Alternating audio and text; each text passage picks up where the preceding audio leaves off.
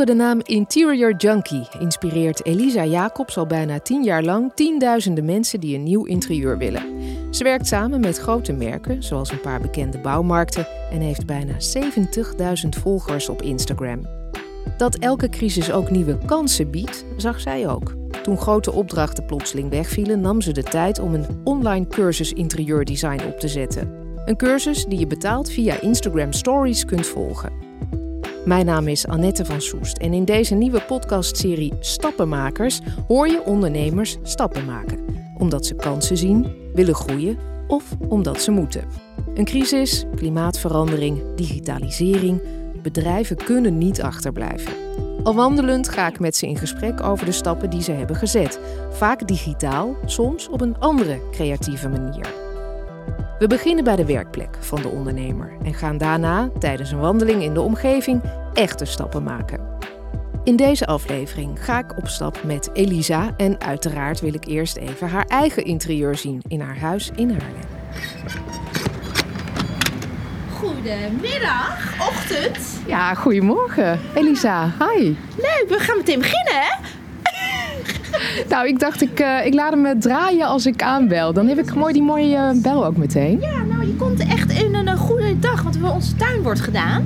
Maar de woonkamer is gewoon helemaal netjes. Oké. Okay. voor jullie opgeruimd. Ja, ik dacht al, ik stap nu over de drempel bij een interior junkie. Dus ik ga een helemaal afgestyled huis binnen. Bij jou nooit rommel, maar ik zie al dat dat niet helemaal klopt. nee, nee, nee. Normaal is het altijd alles spik en span. Maar uh, ja, we zijn met de grote tuinmakeover bezig. Dus het wordt mooi weer. Maar de rest van het huis is allemaal netjes. Zoals je hoort wordt er inderdaad flink geklust. We lopen dus eerst even door naar de werkplek, waar Elisa het afgelopen jaar een nieuwe stap heeft gezet als ondernemer. Hier uh, gebeurt alle magie, zeg ik altijd. Het is aan de voorkant van het huis. We hebben lekker zonnig en ik kan zo uitkijken op het centrum. En dat vind ik altijd heel erg belangrijk van werken, dat je uitzicht hebt. En uh, ik kan niet aan de achterkant van het pand waar ik uitkijk op gewoon tuinen waar niks gebeurt. Dus ik wil altijd even een soort van uh, drukte. We hebben heel lang in Amsterdam gewoond. En dit plekje doet me altijd wel een beetje denken aan Amsterdam. Dat het gewoon wat, wat drukker is. En het is gewoon heel fijn werken hier. Je hebt het water, je hebt de gracht, je ziet het verkeer voorbij gaan. Je hebt mooie bomen, bloesem. Ja. Um, vertel eens, wat doe je hier allemaal met Interior Junkie? Nou, hier uh, ben ik eigenlijk altijd mijn uh, fotoshoots aan het uitwerken. Mijn vlogs. Ik maak natuurlijk ook video's. Uh, nog geen podcast.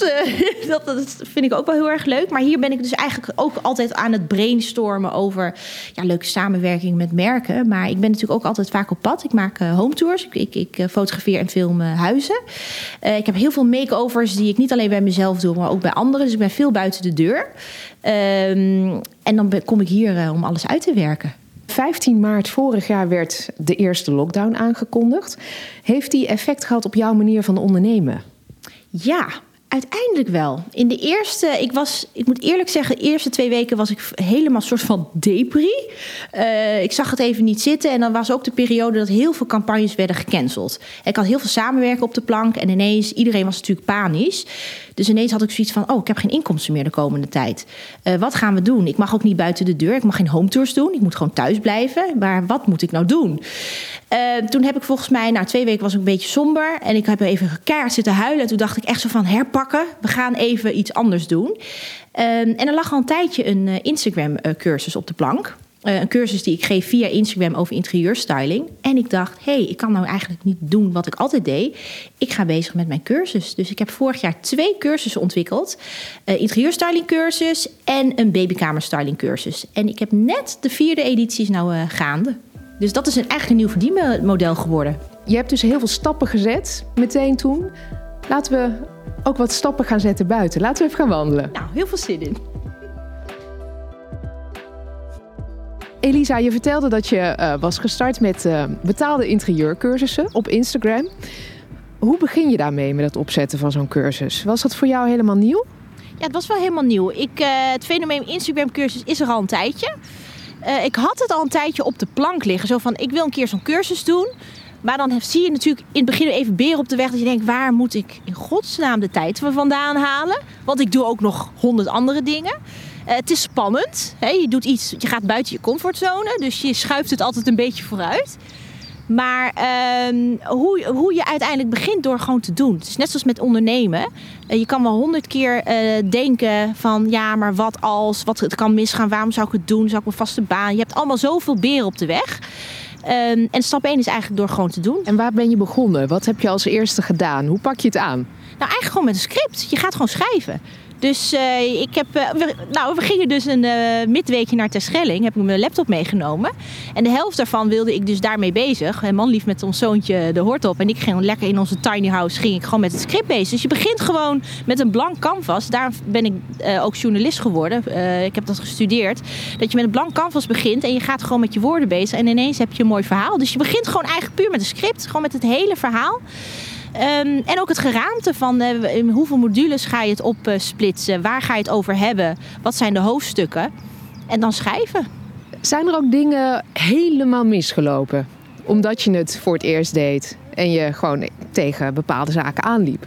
Ja, nou, er is gelukkig niks uh, misgelopen, behalve met mijn uh, humeur. nou, je bent dus bezig met een Instagram-cursus en je hebt het script uiteindelijk gemaakt. En uh, dan is de, het, het, nou ja, de, het ding van Instagram-cursus dat je alle lessen opneemt in een story. Maar een story is 15 seconden. Dus je moet je, de kern van je verhaal in 15 seconden vertellen. Maar je hebt natuurlijk 9 modules. En uh, dus elke workshop, of uh, workout, ik noem het workout, uh, had zo'n 80, 90 stories.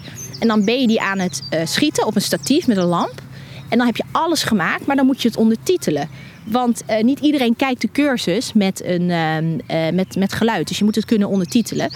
Uh, en nou, daar had ik me even op verkeken. Ik was ermee bezig en ik dacht nog echt toen ik, dat ik dacht van waar, waar ben ik aan begonnen? En ik weet nog wel een maand voor livegang dat ik echt dacht van oh, wat een werk. En dan lees je soms een reactie. Nou, ik vind het wel een beetje duur hoor, 89 euro. Dan denk je, je hebt geen idee, je hebt geen idee. Ik heb hier misschien echt drie maanden werk in zitten. En als de cursus loopt, ben je natuurlijk ook twee uh, maanden bezig. Dus ja, de, het, 89 euro denk ik altijd, het is een prikkie wat je ervoor krijgt. dus dat is een beetje, daar heb ik een beetje op verkeken. Maar ik ben nu wel een soort van pro dat ik... Uh, dat ik nu zo wel weer makkelijker een uh, Instagram-cursus uh, kan ontwikkelen. Hoe kom jij aan je materiaal dat je gebruikt? Want je gebruikt niet alleen eigen foto's van je eigen huis, maar je hebt ook, denk ik, ook beeldmateriaal wat je gewoon overal vandaan haalt. Hoe zit het bijvoorbeeld met auteursrecht? Ja, klopt. Nou, grappig dat je dit zegt. Ik werk dus nu echt alleen maar met mijn eigen beeld, unieke beeld. Uh, want een paar jaar geleden is het een beetje misgegaan. Uh, want ik was natuurlijk een van die bloggers die dan af en toe een fotootje pikte van uh, Pinterest. En dan wel de bron achterhaalde en dat netjes in de credits vermeldde. Maar kijk, ik fotografeer natuurlijk ook. Dat was natuurlijk niet, eigenlijk mag dat niet. Uh, dus dat had ik gedaan en al jarenlang deed ik dat. En toen kreeg ik op een gegeven moment in de laatste week van mijn honeymoon, we zijn in Italië getrouwd, we zaten heel mooi in Italië, kreeg ik een uh, mailtje binnen, een claim van een beeldrechtbureau. En nog een mailtje van een advocaat. Het waren twee verschillende claims. Ja, dat ik beeld had gebruikt wat niet mocht. En, uh, en natuurlijk het, de boete. En nou, daar schrok ik zo van. Ik denk, oh jee. Hoeveel was het? Nou, het was denk ik in totaal 6000 euro. Er waren, van, er waren claims uh, twee, van twee foto's. Nou, daar schrik je je natuurlijk uh, ontzettend van. Want je bent net getrouwd in Italië. Je hebt geen rode cent meer op de rekening staan. En dan krijg je ook nog een claim. En, uh, maar dat was op zich um, best wel uh, spannend. Want ik dacht van ja, ik krijg nu twee claims binnen. Misschien morgen krijg ik een volgende claim binnen. En overmorgen weer, ga ik failliet. Dus toen heb ik besloten, toen ik in de bergen van... Nou, toen we van Italië naar Zwitserland reden op mijn hotspot, laptop op de voorste bank met mijn telefoon, want mijn stagiaire was nog aan het werk in Amsterdam, heb ik besloten om in één klap al mijn beeld van mijn site te halen. Dus um, dat is best een rigoureuze stap. Ja, ja, nee, dat is eigenlijk niet al het beeld. Ik had, heb alle posts op concept gezet op mijn site, behalve de eigen content. Dus ik had natuurlijk ook best wel veel content, bijvoorbeeld de home tours. Dat is natuurlijk mijn eigen beeld. En die heeft mijn stagiaire handmatig weer op uh, online gezet. Dus mijn webdesigner of webbouwer, uh, uh, die heeft uh, alles op concept gezet en mijn stagiaire handmatig alles gepublished. En ja, toen is mijn SEO gedropt. Dus ik kwam heel laag in Google. Dus mijn bezoekersaantallen gingen van 110.000 naar, nou, laten we zeggen, ineens 70.000. Dus dat is best wel heftig. Ook omdat je ook inkomsten haalt uit bannering. Uh, maar wel een juiste beslissing geweest. Want um, ja, anders kreeg ik nog meer claims. En uiteindelijk die andere claims, uh, ik, ik, ben wezen schrikken. Dus ik ben er uiteindelijk misschien maar 1500 euro heb ik moeten betalen. Dus maar je hebt, er, je hebt er wel een les van geleerd. Namelijk je gebruikt alleen nog maar je eigen content. Ja, en dat raad ik ook echt iedereen aan. Want ja, ik zag ook, ik zie nog steeds veel... Um, blogs waar staat bron Pinterest. Maar Pinterest is geen bron. Dat is gewoon een verzamelbak aan uh, materiaal. En ik fotografeer natuurlijk zelf ook. Daar heb je natuurlijk tijd en moeite in zitten. En dat kun je eigenlijk gewoon niet uh, zomaar plaatsen. Dus ik weet dat ik fout zat. Ik zou het ook nooit meer doen. Maar ik ben nu ook best wel picky op als mensen mijn beeld gebruiken. Die stuur ik ook gewoon een claim. Dus ik heb er nu trouwens twee lopen hebben nog steeds niet gereageerd. dus ja, ik heb een goede advocaat ook uh, in uh, hand genomen een paar jaar geleden. Die heeft me geholpen toen ik de claim kreeg. En nu kan zij mij helpen als uh, ik iemand anders... en natuurlijk een bevriend of een blogger, weet je, die stuur ik een waarschuwing. Maar dit zijn echt gewoon grote merken die mijn beeld in de catalogus hebben gezet bijvoorbeeld. En dan, dan moet je wel echt... Ja. die krijgen gewoon een, een, boete. Heb je nog tips voor, voor um, mensen die online bezig zijn? Misschien ook net als jij op veel werken met social media. Ehm, een belangrijke les die je hebt geleerd het afgelopen jaar? Nou, wel ook wel dicht bij jezelf blijven. Uh, social media draait natuurlijk om jezelf um, als, als persoon. Ik, de, de kracht is natuurlijk uh, authenticiteit. En je bent natuurlijk je eigen, uh, je bent je eigen merk. Dus zodra je iets online gaat doen, zorg ervoor dat mensen weten wie je bent. Want ik, heb, ik ben in 2012 begonnen met interieurbloggen puur ook, ik vond het gewoon heel erg leuk. Maar ook omdat er geen enkele interieurblog was waar een gezicht achter zat. Ik zag altijd hele mooie huizen, maar ik dacht, ja, maar wie ben jij dan? En uh, juist omdat ik mezelf elke keer op de foto zette, dachten merken ook, in eerste instantie followers, hé, hey, wat leuk hè. maar merken hadden ook zoiets van, oh, maar dit is interessant, want mensen weten nou wie jij bent en we willen gewoon dat ons merk gekoppeld is aan een gezicht. In plaats van een site waar, gewoon anoniem iemand, misschien een heel team van tien mannen achter zitten, maar je weet niet wie het is. Ik, ik zit meer te denken van, nou, we worden wel uh, doodgegooid met influencers. Jij gebruikt dat woord helemaal niet. Is dat eh, met een reden? Ja, nou dat is. Ja, ik heb een beetje haat-liefde verhouding met uh, de term uh, influencer. Want ik was acht jaar geleden, of negen jaar geleden, was ik blogger. Dat was echt zo ben jij de blogger? Dat was alsof het een vies woord was. En ineens werd je influencer, maar... Nog viezer woord. Een nog viezer woord. Ja, iemand zei later, het lijkt net influenza van de, van de griep. dus het is een Ja, ik, uh, ik noem mezelf wel eigenlijk online ondernemer. O, waarom? Omdat het gewoon echt mijn, uh, het is gewoon mijn bedrijf.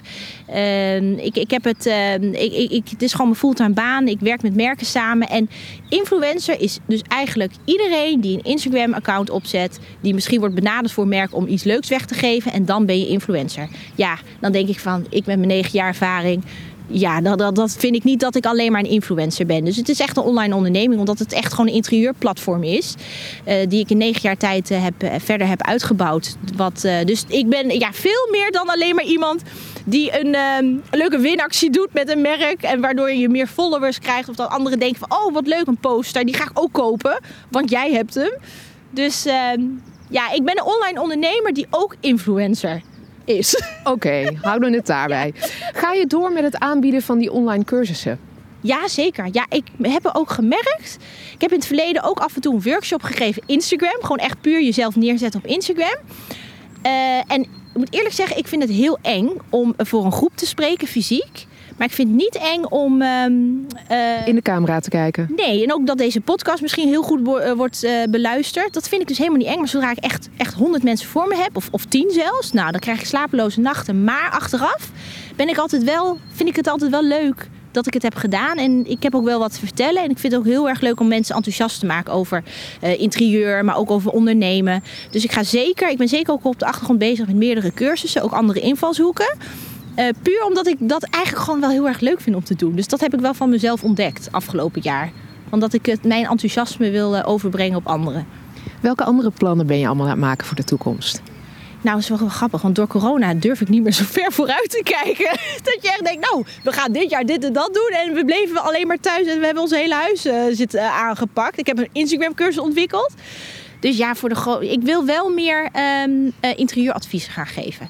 Dus um, het, het, nadeel van mij is eigenlijk dat ik alles wel heel erg leuk vind. Ik vind dat influencen heel erg leuk. Ik vind, het, ik vind de home tours doen heel erg leuk. Ik ben met mijn cursussen bezig. Maar ik word ook heel vaak gevraagd voor interieuradvies. eh, voor particulieren of soms bedrijven, uh, heb ik altijd nee tegen gezegd. Heb ik altijd... Waarom? Nou, omdat ik daar dus echt geen tijd voor heb. Nou, het, is echt, het klinkt ook een beetje heel raar. Ik, heb er, ik denk dat ik daar weer een goede verdeling moet maken in tijd. Dus daar moet ik dus even naar kijken. Maar ik ben er dus wel mee bezig. Dus ik ben nu wel de kleinere adviezen online aan het zetten. Maar nu denk ik van, ik ga weer iets bezig met een, met een nieuwe cursus. Daar wil ik dus uh, deze zomer voor hebben, of voor geven. Dus uh, ik, ben, ik moet het denk ik ook gewoon doen, wat ik net zei. Dus ik, moet, ik denk dat ik heb wel gezegd begin dit jaar op Instagram. Daarom is het ook wel goed. Tip ik altijd iemand. Zeg het gewoon. Maak het bekend wat je van plan bent. Want dan is dat gewoon je stok achter de deur. Waardoor mensen gaan zeggen: hé, maar je zou toch dat gaan doen? Oh ja, ja, nee, maar ga ik toch gewoon weer niet door. Dus nou zeg ik met die podcast: ik ga dit jaar wel interieuradvies geven. Gewoon doen, gewoon die stap zetten. Ja, klopt, klopt. En als een vet project, ja, mijn, mijn droom is bijvoorbeeld al eh, bijvoorbeeld een, een, een hotel. Als iemand me vraagt voor een hotel of een, of een restaurant, ja, dat, vind ik, dat lijkt me natuurlijk wel heel erg gaaf. En, en ik zou volgend jaar, even privé gezien, ik wil volgend jaar echt wel even lange tijd in het buitenland wonen met mijn gezinnetje. Gewoon even, want dat is weer het fijne. Ik kan mijn werk overal mee naartoe nemen. Als we bijvoorbeeld naar Bali gaan, dan zit ik meteen te denken van... oh, ik ga coole huizen fotograferen en filmen op Bali. En ik ga misschien spulletjes daar kopen om te verkopen. Dus... Zie je, je hebt genoeg plannen. Ja, genoeg plannen. Zo zorgt de crisis dus voor nieuwe kansen en mogelijkheden. Mijn naam is Annette van Soest. Leuk dat je luisterde naar deze aflevering van Stappenmakers. Wil je meer informatie over digitalisering of auteursrecht? Kijk dan op kvk.nl.